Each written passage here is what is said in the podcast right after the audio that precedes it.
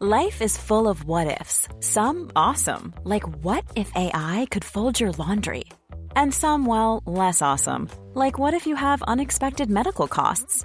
United Healthcare can help get you covered with Health Protector Guard fixed indemnity insurance plans. They supplement your primary plan to help you manage out of pocket costs. No deductibles, no enrollment periods, and especially no more what ifs. Visit uh1.com to find the Health Protector Guard plan for you.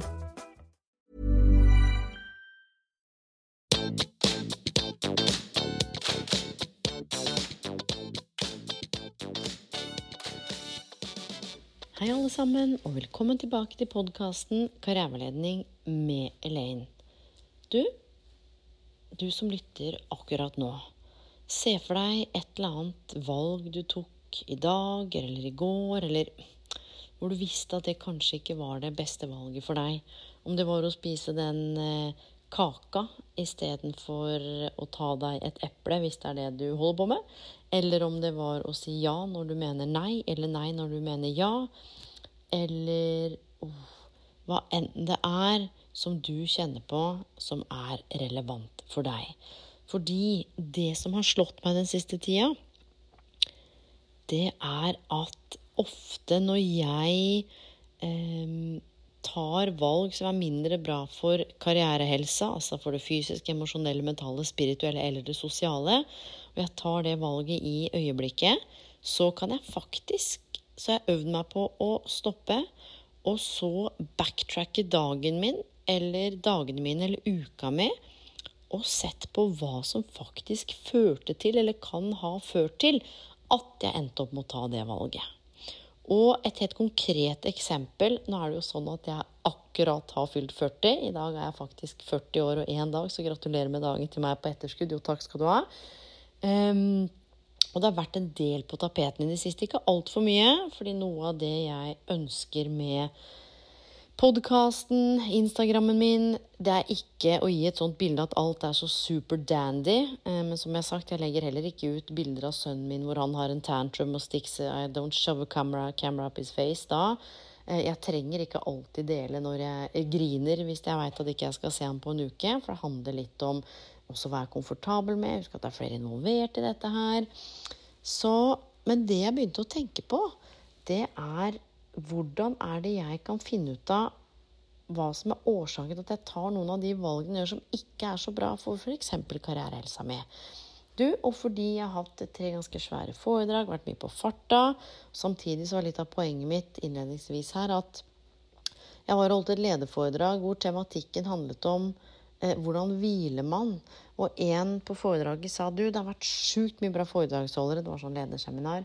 Eh, men jeg må si at du er den eneste som ikke har snakket om at du har altfor mye å gjøre, og faktisk snakker om eh, dette med hvor vi får energi fra, hva som tapper oss for energi, og at det er ok å hvile. Så var neste spørsmålet men hvordan er det du egentlig hviler? Hvordan gjør man det? Barn de hviler jo bare helt naturlig, men tenk deg det. Hvordan er det man hviler som leder? Det er så mye krav og press, og hvis man ikke får det til, eller så er det imposter syndrome, så jobber man hardere eh, self-worth, altså selvfølelsen ofte knytta til vi er det vi gjør, vi er det vi presterer. Så fikk det meg til å tenke at det, her om dagen så hadde jeg ganske mye å gjøre, og så kjente jeg sånn eh, Og jeg hadde ganske mye å gjøre, og det handler ikke om jobb, men det er flere ting som skulle på plass, som jeg hadde Jeg hadde ikke vært god nok til å planlegge den dagen. Så skjer det alltid noen ting litt som man får kasta på seg. Poenget mitt er at fordi jeg tenkte at åh, nå må jeg hvile, så sa den Altså den, den, essential self, den delen av meg som kjenner meg godt, sa sånn åh, oh, Elaine, nå må du hvile. Ta deg en halvtime. Mens det sosiale selv sa nei, men det har du ikke tid til. Og vet dere hva som skjedde der? It was the freaking moment where I split. Det var der jeg ikke var i tråd med my essential self. Det er der integriteten min ble fragmentert. Det er der jeg visste at nå bør jeg hvile. Hørt bare ordet 'bør'. Jeg hadde anledning, men det sosiale selv Jeg har blitt veldig opptatt av i det siste. Jeg har vel jobba med det de siste ti år. Men sånn um, nature, altså hvem vi faktisk er, hva vi trenger, hva vi vil, versus culture. Eller hvordan da klare å leve med nature og integrere culture. Fordi vi blir så innmari dratt mellom hva vi faktisk er, hvem vi er, hva vi vil, og hva samfunnet forteller oss hva vi skal gjøre, og hva, hva som er riktig. Nå er det vaskemaskinen som går i bakgrunnen, eller oppvaskmaskinen, men det tåler dere ikke sikkert dere hørte det engang. Poenget er at jeg la merke til når jeg backtracka It was then I split. Åh, oh, jeg trenger å hvile. Så valgte mitt sosiale selv å ikke hvile. Du og jeg veit at ikke vi alltid kan hvile, det er ikke poenget, men bear with me. For det skal knagge seg på det jeg skal snakke om i dag. Jobb, karriere, kall, mening, hobby. Hva er det som er hva her? Og hvordan kan man faktisk finne litt ro? Um, og fordi jeg kjente at jeg burde ha hvilt, men jeg ikke gjorde det, så kjente jeg at jeg splitta fra meg sånn true, authentic self. Og kobla meg heller på andre svarte på ting som egentlig ikke var nødvendig, for det var det sånn ubevisst jeg har blitt condition til, eller trent til å gjøre, for det er en del av kulturen. ikke sant? Vi skal være tilgjengelige, vi skal svare, vi skal være på ballen, vi skal ikke sette grenser. Og det var det som førte meg til eh, noen av de valgene jeg tok seinere på dagen og flere dager etterpå, fordi jeg hadde splitta fra hva som var riktig meg, uten helt å skjønne det.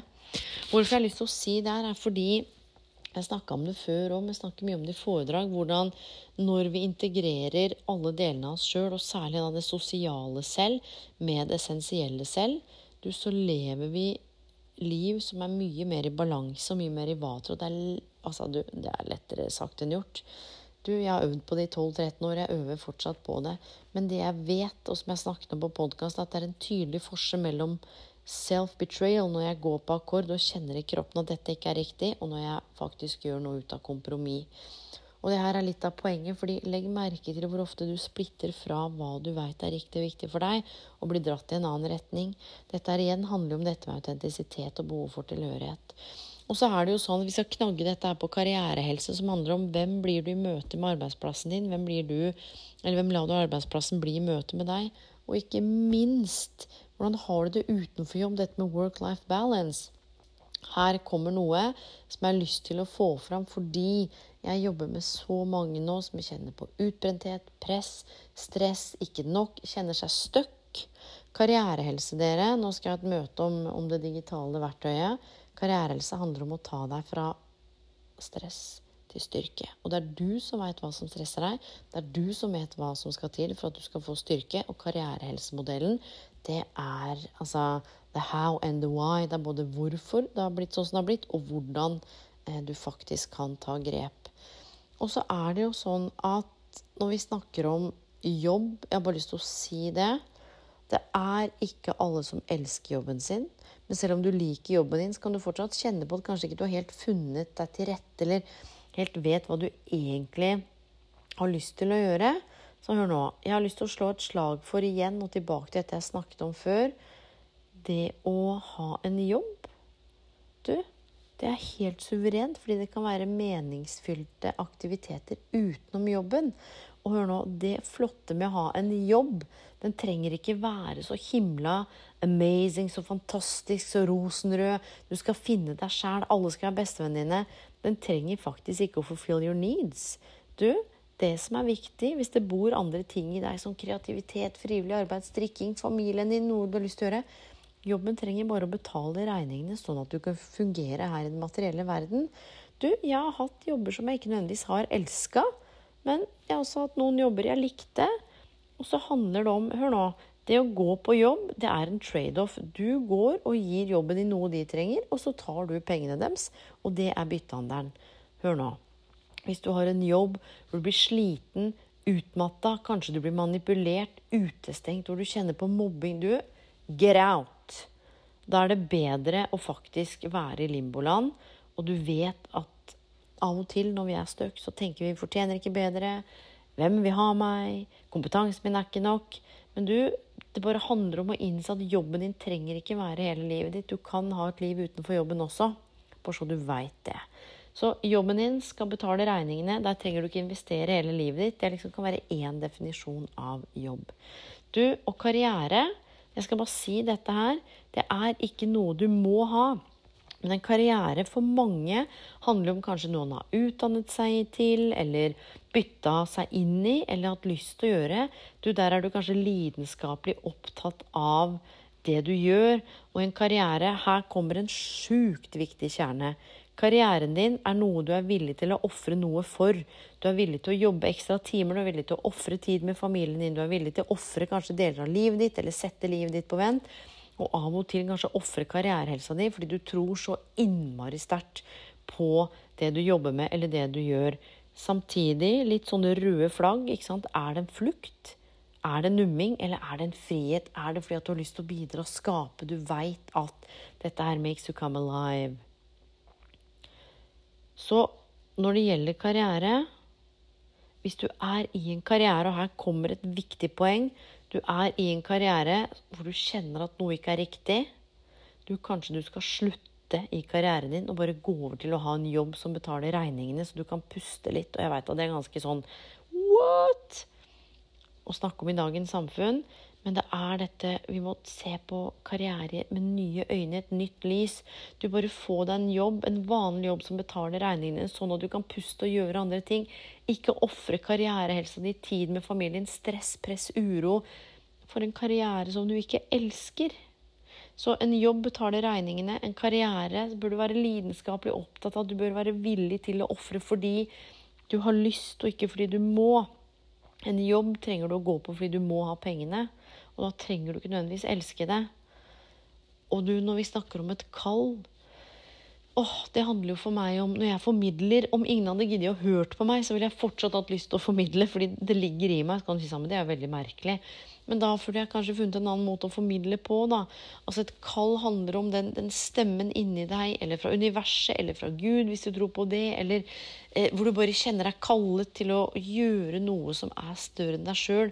Du skal bruke talentene dine, gavene dine, til å tegne, strikke, sy, eh, kjøre buss, snakke med mennesker, designe noe. Det er der hvor du vet Du kjenner at you just come together. Tid og sted forsvinner. Det er det du hadde gjort selv om du ikke fikk betalt for det. Det er det du gjør fordi hver eneste fiber i kroppen din kjenner at dette er riktig. Og du? Av og til så kan man bytte mellom alle sammen. Og hør nå. Her er greia, da. Kanskje karrieren din kommer til å ende en dag. Eh, kanskje du bestemmer deg for å ha en jobb hvor du da får en inntekt, sånn at du har en hobby som du kan drive med. Men ikke forvent at hobbyen kanskje skal bli levebrødet ditt med en gang. Eller at, skal, at hobbyen din og kreativiteten din skal supportere deg sånn at du kan leve i den materialistiske verden. Fordi hobby Jobb, karriere og kall. Hva er det som er det viktigste for deg? Du trenger ikke å gi slipp på noen. De kan ha alle sammen. Men det krever ganske mye å forstå Og nå sier jeg ikke at du ikke forstår det, jeg snakker også like til meg selv. Forstå ok, hva er hobbyen min? Hva er jobben min? Hva er en karriere, og hva er et kall? Kan hobbyen min være kallet?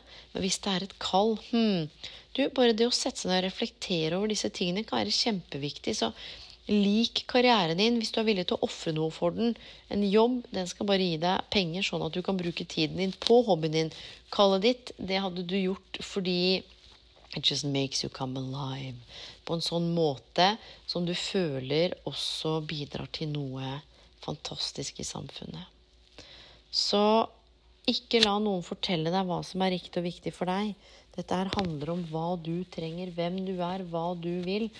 Og så kan det være sånn at det kan kjennes ut som at men jeg er stuck, jeg har ikke lyst til å si opp jobben fordi jeg tror jeg likte jobben før. Men det er jo her karrierehelse kommer inn også. Se på den fysiske dimensjonen som et eksempel. Hvordan hviler du? Hvor er det du får energi fra? Hvordan tar du vare på deg sjøl? Hvordan er de fysiske omgivelsene? Se på den mentale delen, da. Hvordan er fokuset ditt på jobb? Hvordan er stressmestringen? I hvilken grad kan du sette grenser? Se på det spirituelle. Hva opplever du som meningsfylt? Kan du være deg sjøl? Jobber du i tråd med verdiene? Og se på den sosiale biten. Er du en del av et fellesskap? Kjenner du på tilhørighet? Er du inkludert, men du kjenner egentlig ikke på det sjøl? Hvordan er det med mangfold og diversitet? Ikke sant? Hele karrierehelsmodellen er designa for at du virkelig skal finne, altså få tak i hva er det som er kjernen her.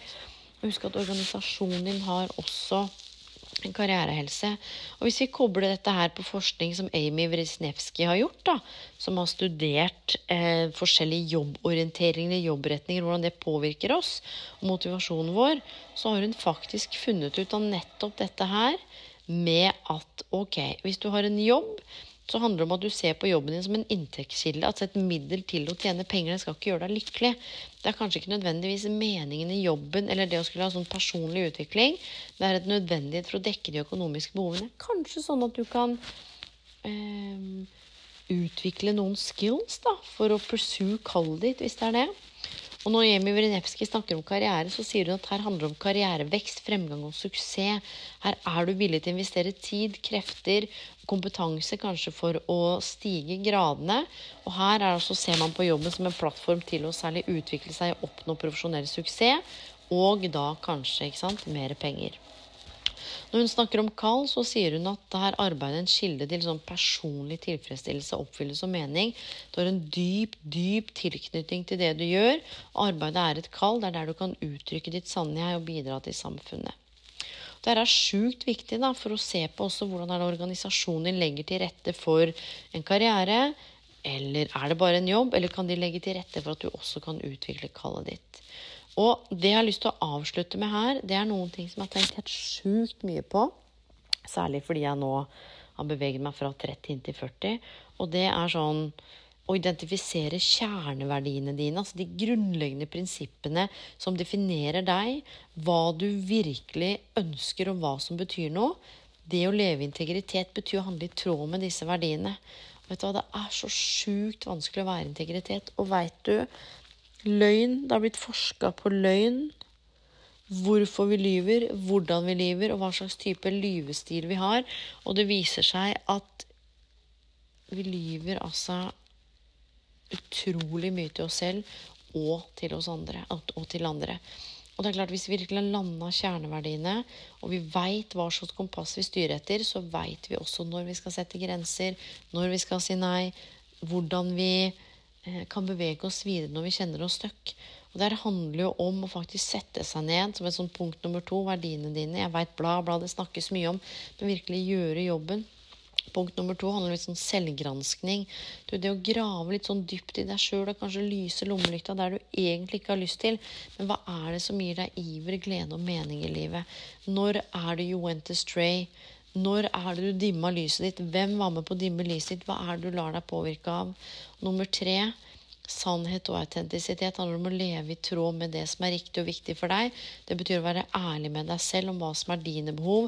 Og når du da f.eks. skal sette grenser, ikke lyv. Ikke si sånn 'Nei, det passer ikke fordi sønnen min er syk, eller fordi svigers er på besøk', eller Du, bare si det som det er. Du, i dag så kjenner jeg at jeg har behov for å slappe av og prioritere egentid. Takk for invitasjonen. Gjerne en annen dag hvor jeg har litt mer overskudd. Det å sette grenser og gjøre det på en sånn måte at du kan gjøre det med integritet, det betyr også at du har respekt for den andre i relasjonen. Og du, når vi tuner oss inn på litt det indre kompasset eller de følelsene våre I samfunnet så er vi så trent til å holde hodet kaldt, ikke sant? Ikke hvelv over av følelser. Men det å stole litt på du og kjenne etter hvor er følelsene i kroppen. Oi, hva er det som skjer i kroppen? Og når vi lyver, så får kroppen sammentrekninger. Og vi veit når vi ikke er ærlige. Du og andre kan merke det på oss. Så hvis vi skal snakke om frihet og ro, da, fra stress til styrke Når vi klarer å integrere det essensielle selv med det sosiale selv, så kan vi faktisk kjenne på en dyp følelse av frihet og ro. Og det å leve i samfunn med kjerneverdiene, det er ikke så lett i dag i samfunn, for det er ikke helt rigga for det. Det er rigga i et sånt neoliberalistisk liberalistisk perspektiv, hvor du er din egen lykkes med. Du, Hvis du ikke lykkes med helsa di, ja, what's wrong with you? Hvis ikke du lykkes med karrieren, ja, hva som er gærent med deg? Men du, hvor er communityen? Hvor er fellesskapet når storsamfunnet for mange kjennes utrygt? Og i forbindelse med verdensdagen med psykisk helse så har jeg lyst til å bidra med noe. Og hashtagen er jo liksom 'ta plass', eller 'lag plass'. Men herregud, jeg har jobba med flere tusen mennesker de siste 13 årene hvor det tilsynelatende er lagd plass, men fy fader så vanskelig det er å ta den plassen hvis du ikke kjenner på trygghet, eller vet hvordan du skal ta den plassen, eller, ikke, eller er usikker på hvordan du skal forholde deg til andre fordi du ikke veit helt Liker de meg? Er jeg trygg? For du kanskje kjenner på noe utrygghet i deg sjøl. Og det er her den karrierehelsa, da, fra stress til styrke. Så folk kan lage plass, men hvis det er vanskeligheter med å ta den plassen, så hjelper det ikke hvor mye plass vi lager. Så vi må gå bak og se på hvordan kan vi både lage plass og ta plass. Og dette er både på organisasjon, men selvfølgelig også på individnivå. Men det er bare noe med å vite sånn, okay, hva er det jeg egentlig står for. Hva er det som er viktig for meg? Når vi begynner å rote litt rundt i det, mine venner, så kan vi puste ut litt. Og det er et langt lerret å bleike. Jeg jobber med det enda, og jeg skal gi dere et helt sjukt eksempel. Noen i familien min mente at jeg burde ha et stort familieselskap siden jeg fylte 40. Og så har det vært ting i livet mitt nå som gjør at du, jeg kjenner at det er ikke riktig for meg akkurat nå. Så sa jeg nei. Du, det trenger jeg ikke. Ja, men du må jo feire, du blir jo 40, og vi kan styre med sånn og sånn. Så kjente jeg sånn um, Jeg tror ikke du hørte hva jeg sa. Jeg setter pris på forslaget og det at du ønsker at vi skal samles, men samtidig så kjennes ikke det riktig for meg nå. Kanskje vi kan feire om tre uker, kanskje om et halvt år, men nå så trenger jeg noe annet enn å drive og styre rundt og ordne til fest her hjemme. Eh, og jeg er veldig glad i familien, men det handler ikke om det. Det handler om at timingen er ikke riktig for meg. Og hadde jeg gjort det, så hadde jeg vært bitter og irritert meg sjøl. Jeg hadde kjent at jeg hadde gått på akkord, selv om det hadde blitt veldig hyggelig. Men det hadde vært den splitten. Det hadde vært en del som sånn Men Elaine, hvorfor kan du ikke bare lytte til deg sjøl og vente til når du er klar? Og jeg skal ha en superstor fest nå på lørdag, og da kommer åtte av de nærmeste vennene mine som spenner seg fra liksom 36 til 60. Og det er en sånne relasjoner som jeg har hatt med meg, hvor jeg kan være helt naken, helt sårbar. Det er samlivsbrudd, det er død, det er snørr, det er sorg, det er latter, det er hengepupper, og det er cellulitter, og det er tull og tøys, og det er det å være lost, og det er det å ha funnet veien, og det er livskraft, og det er spiritualitet, og det er musikk, og det er Du, det er det Vi møtes her hos meg som hele mennesker. Det er ikke noe fjas, det er ikke noe styr. Du, og det har tatt lang tid for meg å ta av meg all rustningen. Og det er derfor også jeg var eh, med sønnen min på nå i dag, og der traff jeg noen som jeg har kjent godt. Eh, men etter samlivsbruddet så har det vært vanskelig for flere til å forholde seg til meg som individ, og ikke som en del av et par. Og da er det lettere å på en måte ikke ta noe kontakt eller jeg vet at det har vært realiteten. Og så traff jeg vedkommende i dag, og så kjente jeg sånn Du, den relasjonen vi har hatt, den er på en måte ikke like tett og sterk, og jeg har ikke noe lyst til at den skal være det heller. Så jeg kommer faktisk ikke til å gå bort og drive med all den småpratinga. Sånn 'Hei, går det bra?' Så jeg satt isteden i fred og ro og snakket med andre, og jeg nikka og smilte og høflig og hyggelig. Men jeg initierte ikke en sånn falsk samtale. Du, og det kjennes så sjukt godt. Det er et fantastisk fint menneske. Og når vi treffes på andre circumstances, yes. Men jeg kjente at nei.